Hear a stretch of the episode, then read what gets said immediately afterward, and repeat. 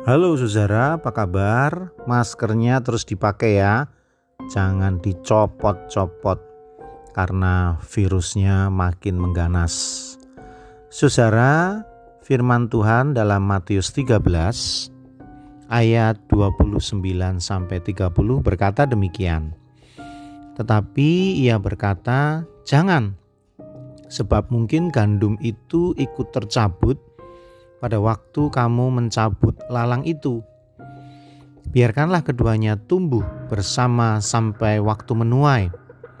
Pada waktu itu, aku akan berkata kepada para penuai, "Kumpulkanlah dahulu lalang itu dan ikatlah berberkas-berkas untuk dibakar. Kemudian kumpul, kumpulkanlah gandum itu ke dalam lumbungku." Matius 13 ayat 29 sampai 30. Saudara, kadang-kadang kita menginginkan sesuatu yang sesuai dengan mau kita. Kita kadang-kadang menginginkan semua dapat kita kendalikan dengan mudah. Itu yang membuat kemudian kita jadi sulit menyesuaikan diri ketika teman sekantor tidak seperti yang kita mau, tetangga tidak seperti yang kita mau, keluarga tidak seperti yang kita mau, anak tidak seperti yang kita mau, dan lain-lain. Artinya, sangat banyak hal di luar kemauan kita, dan itu sulit ditolak. Lalu, kita mencari berbagai macam cara untuk memaksa yang tidak sesuai itu harus sesuai dengan kemauan kita. Semakin keras kita berusaha, semakin keras kita menginginkannya, dan semakin kita kecewa. Mengapa demikian?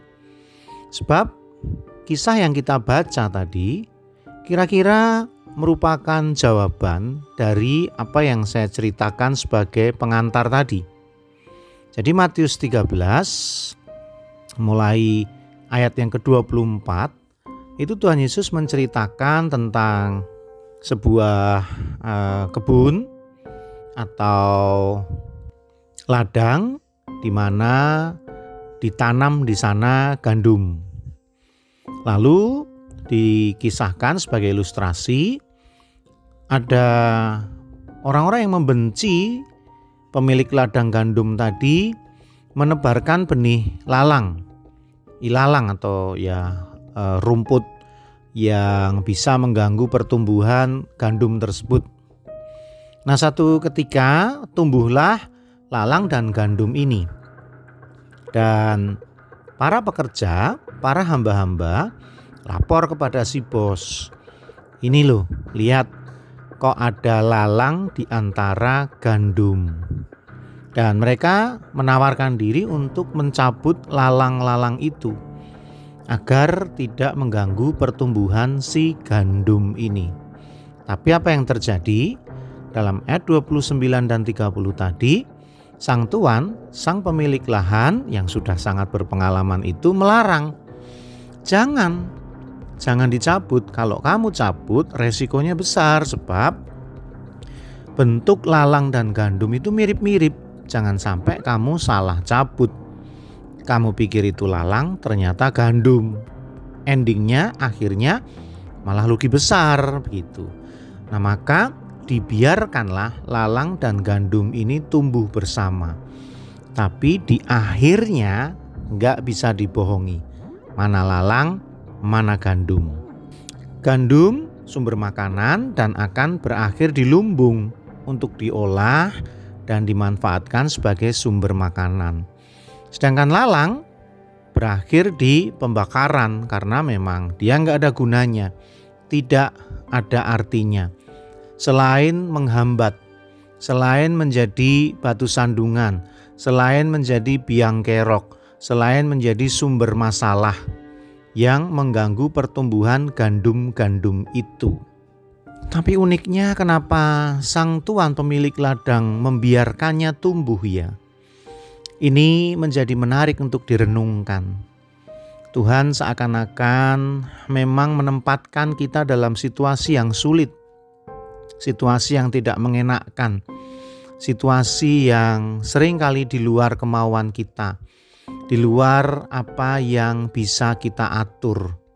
Tapi ketika itu kita bisa jalani, ketika kita mampu menyelesaikannya, maka kita akan menjadi gandum yang berkualitas sebab mampu mengungguli lalang-lalang tadi.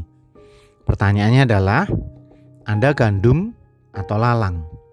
Saya berharap Anda adalah gandum yang mampu bertahan di antara lalang-lalang pengganggu itu. Dan Anda harus bersabar karena lalang-lalang itu terus ada di sekitar Anda sampai waktu membuktikan bahwa Anda adalah gandum yang lebih baik daripada lalang itu. Memang persaingan ini persaingan yang keras, persaingan yang tidak mudah. Lalang biasanya lebih lebih cepat tumbuh karena dia tidak perlu membesarkan bulir-bulirnya. Lalang biasanya rakus mengambil air dan sumber makanan. Lalang sangat cepat bertumbuh. Lihat, tanah-tanah kosong dibiarkan hanya dalam hitungan satu bulan atau paling lama dua bulan maka ilalang itu lalang-lalang itu rumput-rumput yang tidak berguna itu akan cepat bertumbuh seperti itulah bedanya pengganggu dan gandum yang bermanfaat mari kita bersabar sejenak kalau keadaan memang tidak seperti yang kita harapkan pada kenyataannya ada lalang di antara gandum. Anda lalang atau gandum? Saya berharap Anda gandum, karena gandum akan bermanfaat memang pada waktunya nanti. Dan sedangkan lalang yang tidak berguna itu hanya akan berakhir di pembakaran. Masih bersama dengan saya Pendeta Yudi dalam Renungan Mas, esok masih ada solusi.